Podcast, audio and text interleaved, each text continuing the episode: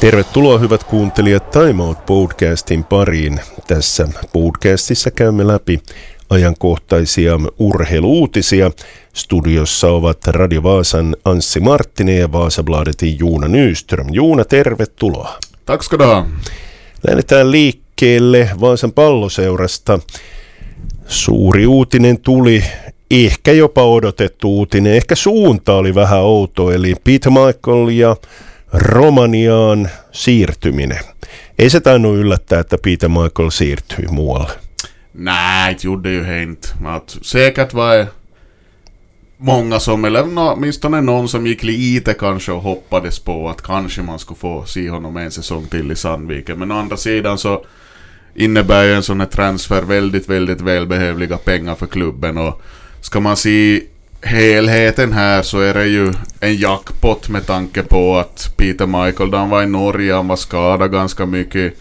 Hans så att säga marknadsvärde var inte stort då han kom hit, men nu så är ju det här Chloe som då plocka innan så är det en stor klubb som har Champions League och till och med så de har ju råd till betal och ryktas ju om en 400-500 tusen till och med att det ska vara övergångssumma plus någon sorts bonusar så att... Niin, meinaatko että se jo pelkästään se siirtosumma olisi se puoli milliä ja sen päälle tulisi vielä lisää? Oklart eftersom det är ju ingen som bekräftar sådana här uppgifter men att det första jag hörde var ju kanske någonting i stil med 400 000 plus bonusar då att det skulle kunna bli totalt den här halvmiljonen men det är ju som sagt bara spekulationer. Å andra sidan så har man hört det här nu så tydligt och klart från många håll att det liksom har blivit nästan allmän, allmän kännedom att det är sådana summor det handlar om.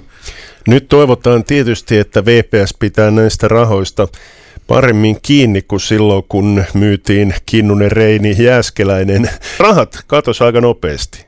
Ja, det har ju funnits lite som sån här, vad ska man kalla vågrörelser i VPs ekonomi om man börjar se på på många år tillbaka. Så, men jag tror nog att med tanke på hur, hur tuffa de här åren har varit och man räknar in corona och allting här så, så tror jag det finns en helt annan tanke nu i klubben hur man ska jobba med de här pengarna och, och till Brihitten ersättare rakt av till Peter Michael är ju jätte, jättesvårt och jag tror inte att VPS kommer till försök värva något etablerat namn utan jag tror man fortsätter på den här inslagna banan att man försöker hitta de här pärlorna, oslipa diamanterna. Mm, ja kyllä kovaa hyökkäjää tarvitaan, sen osoitti muun muassa tuo ensimmäinen harjoitus peli SIK Akatemia vastaan, joka hävitti 1-0. Vepsulla oli ilmeisesti ollut paikkoja, mutta ei mistään sisälle. No siellä oli puuttu hyökkäjistä, muun muassa Jääskä ja ne oli edelleen sivussa, että Hood oli ehkä niin kuin, jos ajatellaan vakiokokoonpanoa, niin ehkä ainut hyökkäjä tuossa ryhmässä. Ja, så ska man inte dra så stora slutsatser heller. Det blev mycket byten i den här matchen och, och juniorer som kom in på planen att nu, nu är det ju ligacup-premiär istället på, på lördag mot riktiga SJK på hemmaplan i det som nu heter VO Arena. Där kan man sen kanske dra lite längre gående slutsatser. Men man ska också komma ihåg att ligacupen är ju en sån här försäsongsturnering. Att det handlar också om till match in nya spelare, provspelare. Så att det är ju inte den mest riktgivande turneringen. Sä puhuit tuossa, että hyökkäjä tarvitaan ja jostain mä luin Vaasan palloseuran tai jostain lehtijutusta, että ilmeisesti kahta pelaajaa vielä haettaisiin. Ja, no nog förstås nu då Peter Michael for så, men det behövs ju bredd också framåt och renodlad anfallare. Sen om man tänker på hur, hur VPS har, har byggt upp anfallsspelet så har ju varit det här helan och halvan, fyrtornet och så den här som springer efter bollen så att på det viset så saknas ju egentligen två offensiva spelare i den uppställningen och och sen får vi ju se då med tanken att någon av de här som har blivit invärvade nu ska vara Tyler Reeds mm. ersättare som, som wingback, som offensiv wingback. Så det finns lite pusselbitar nu till jobb med. Joo.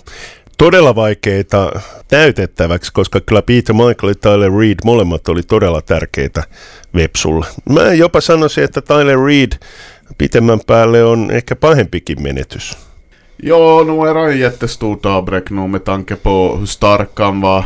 Löpstark. Han kunde vänt matchen lite på egen hand genom att göra lite, en par, tre bra saker där på sin kant och liksom vänd flöde i spelet och sådär. Men nu är det ju också om du har en målskytt som gör närmare 20 mål. Mm. Så nu är det hyfsat viktigt. Mutta mietipä, että meillä oli Kalle Multanen edellisellä kaudella, joka teki ne maalit, että olisiko Kallesta vielä maalin sylkiäksi? Jag tror att Kalle Multanen är färdig på det viset. Men han är inte samma spelare som Peter Nej. Michael. Om du tänker på Pe- Peter Michael har han det explosiviteten, styrkan i kroppen som bara he gjorde han många mål på. Medan Kalle Multanen är mer en sån här Engelsmännen kallar det för fox in the box. Mm. Han, han smyger fram där i rätt ytor och avslutar ganska kliniskt. Men han är jätteolika spelartyper vi pratar om. Pitäisikö meidän olla huolissaan, että Christian Valencia ei tahdo saada viisumiasioita kuntoon? Oulussa hän taisi tulla vasta helmikuun lopussa joukkueeseen. Se on aika myöhään, kun huhtikuun alussa alkaa jo liikaa. Ja, man skulle ju hoppas att sådana saker löser sig fort, så Mm. fort som möjligt. Att, att vad, vad nu sen beror på har jag ju ingen aning om. Men jag tycker det är väl lite konstigt om det ska vara svårt med tanke på hur länge han har, eller hur många säsonger han har spelat i Finland. Otteluohjelmakin julkaistiin, siitähän me puhuttiin vähän alustavasti. Mitäs mieltä oot tuosta otteluohjelmasta? Siinä kohdataan muun muassa SJK heti alkuun. Det är ju katastrof. Jaha, Va, varför lägger man ett derby i, i mitten av april? Det kan ju vara 15 minusgrader då ännu. mutta ehkä siinä snöstorm. ajateltiin sitä, että porukka tulee joka tapauksessa. Nej, jag, jag räknar inte alls med Så om, det, om det är riktigt värdelöst väder och, jag, och, och vi har nog suttit på, på, på Sandviken då jag varit minns någon gång ligapremiär mot Inter, total snöstorm. Det är inte så riktigt roligt att se fotboll i det vädret. Så jag tycker det på något vis känns ju väldigt orättvist att SJKs hemmaderby sen i grundserien i augusti då är riktigt kiva väder. Niin, mutta silloinhan on mukava lähteä Seinäjoelle.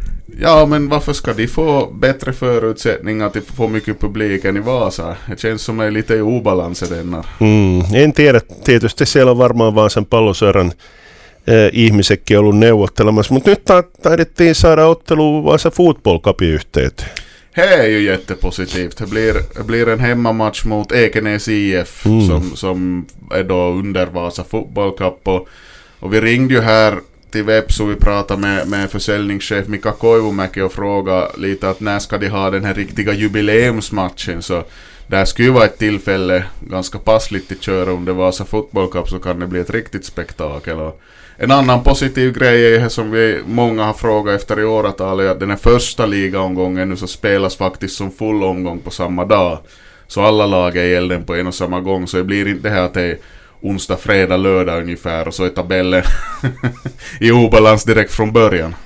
Eh, Ihan lyhyesti vielä tulevasta veikkausliigasta, niin nyt kun katselee tuota joukkueiden kehitystä, niin aikaisemminkin ollaan puhuttu, Ilves satsaa lujaa. Det gör det ja. Och det blir ju intressant i sin för att det var väl kanske till och med så att andra matchen i ligacupen som då blir säkert nästa vecka så är det VPS som Mm. åker till Tammerfors och Joo, spelar ja mot pitäisi Ilves. pelata Tammelas, mutta ehkä No det får vi ju se nu här med vädret hur det har varit. Emellanåt är det 25 minusgrader och jag var utkörandes här i stan igår. Jag tänkte lämna bilen i korsningen då. Jag var, det, var, det var ju bara enorma, enorma vattensamlingar överallt så ja. Ju nog bli, hända att det blir pirkkahall istället. mm, tylsä homma sinällään. Olisi ollut kiva, että vaikka tuo liikakapin Ilvesottelu olisi ollut siellä loppupäässä olisi ehkä voinut lähteä vaikka Tampereelle tutustumaan tuohon uuteen stadioniin. No kesällä voidaan sitten lähteä katsomaan Ilves VPS-ottelua. Time Out Podcast käynnissä. Studiossa ovat Radio Vaasan Anssi Marttinen ja Vaasabladetin Juuna Nyström.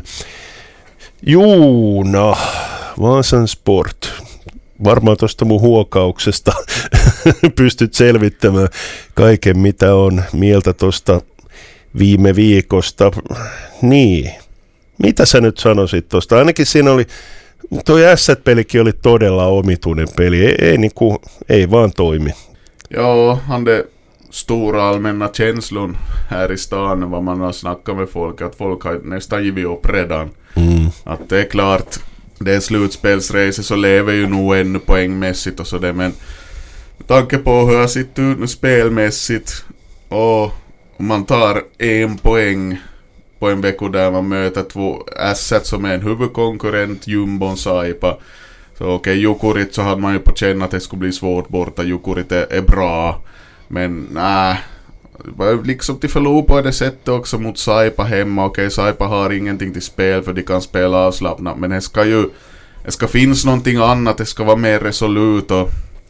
Jag pratade med lagkapten Sebastian Ståhlberg efter han matchen. Han var ju fly förbannad och tycker att, att sport faller på eget grepp, spelar för fegt och är någon sorts mental obalans nu, att det handlar inte bara om det spelmässiga, utan nu sitter det nog också mellan öronen.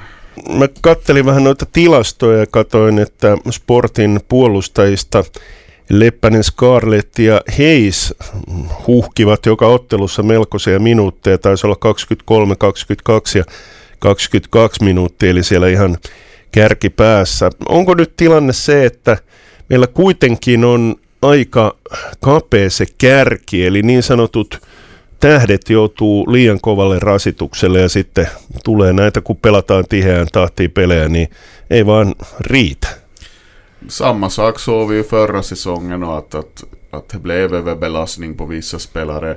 Nu har ju Sport mer en bredare trupp så det är spetsmässigt. Men, men det vill bli lite samma sak. Och förstås det beror ju också på vem som spelar powerplay, vem som spelar boxplay och, och så vidare. Och, och lite på 20 minuter är nu inte tycker jag så det är jätteexceptionella siffror för en back. Att det finns ju vissa backar som spelar 27-28 minuter till och med. Mm. Men det var som tränaren Risto Duva sa redan på då de hade en sån här, vi var ju på inför säsongen presskonferensen i ishallen tillsammans och sa ju att nu, nu har vi bästa lag vi har haft på pappret men vi tål inte några skador och det är ju lite det som har varit nu att Riskalet har varit bort några matcher och Axel Holmström missade en match där.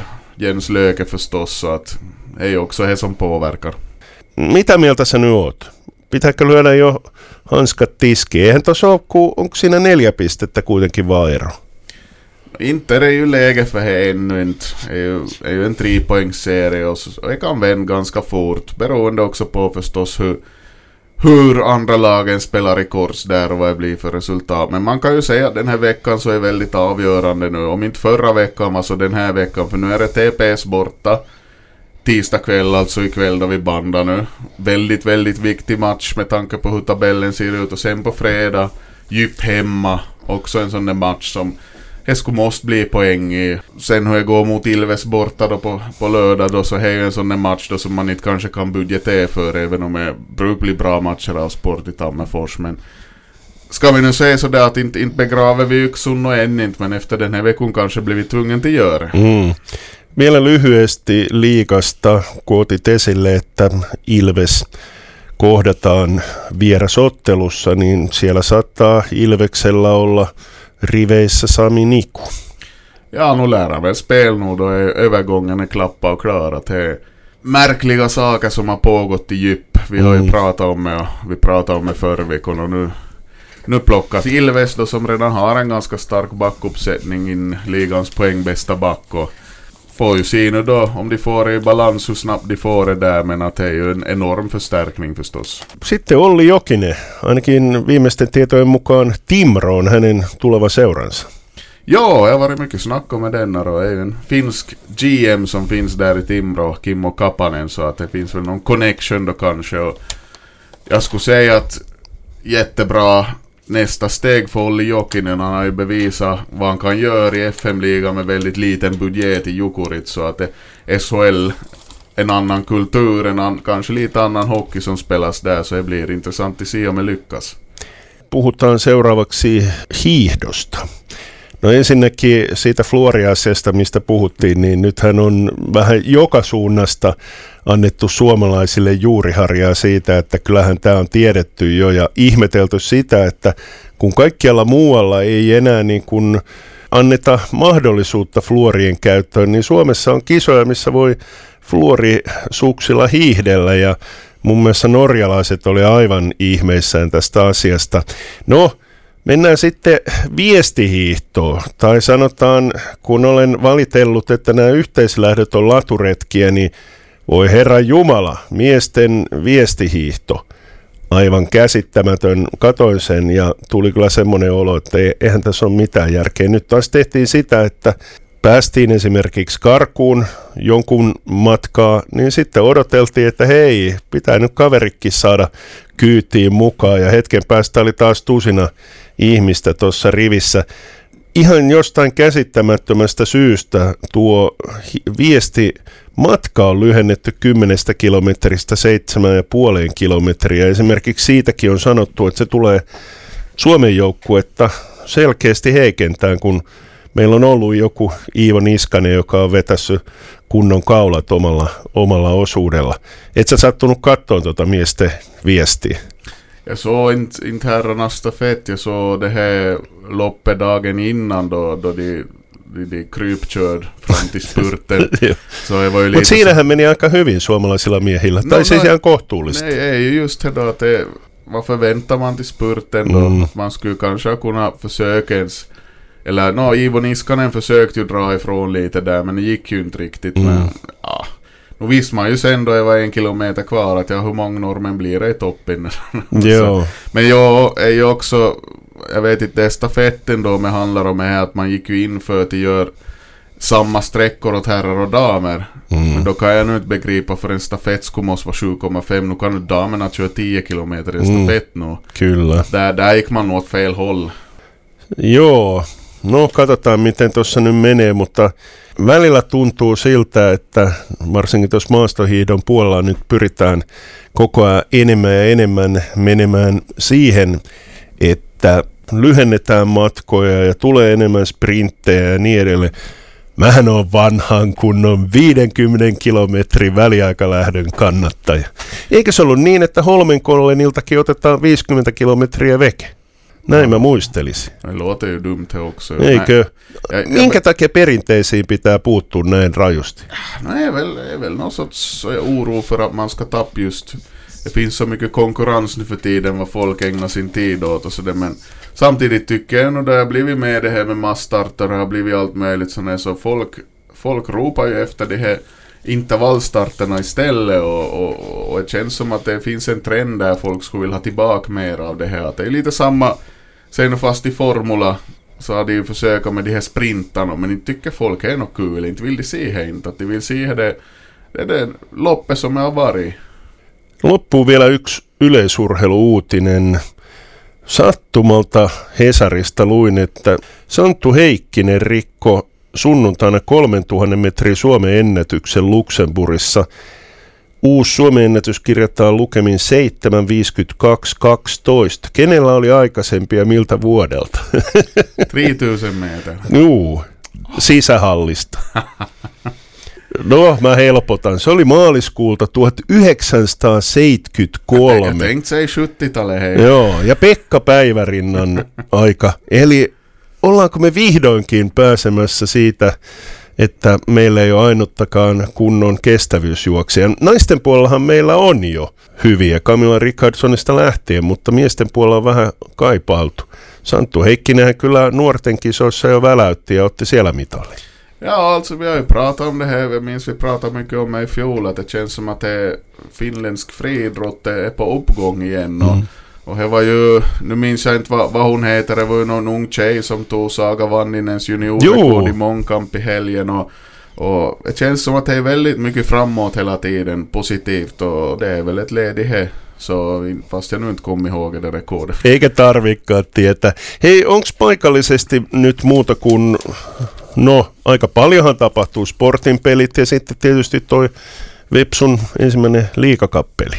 Ja, ja, just på tal om friidrott så får vi väl ta och skicka lite grattis till Malax. Det kom ju FM-guld där i, i mångkampen till Elisabeth Fogde i, idag med 19. Så att med, med nytt rekord och allting så he går framåt på lokala planen och friidrotten. Mm, hienoa, hienoa. Ja sitten tosiaan entisestään yleisurheilu on Framilla tänä kesänä, kun Kalevan kisat järjestetään tuossa kesä-heinäkuun vaihteessa täällä Vaasassa.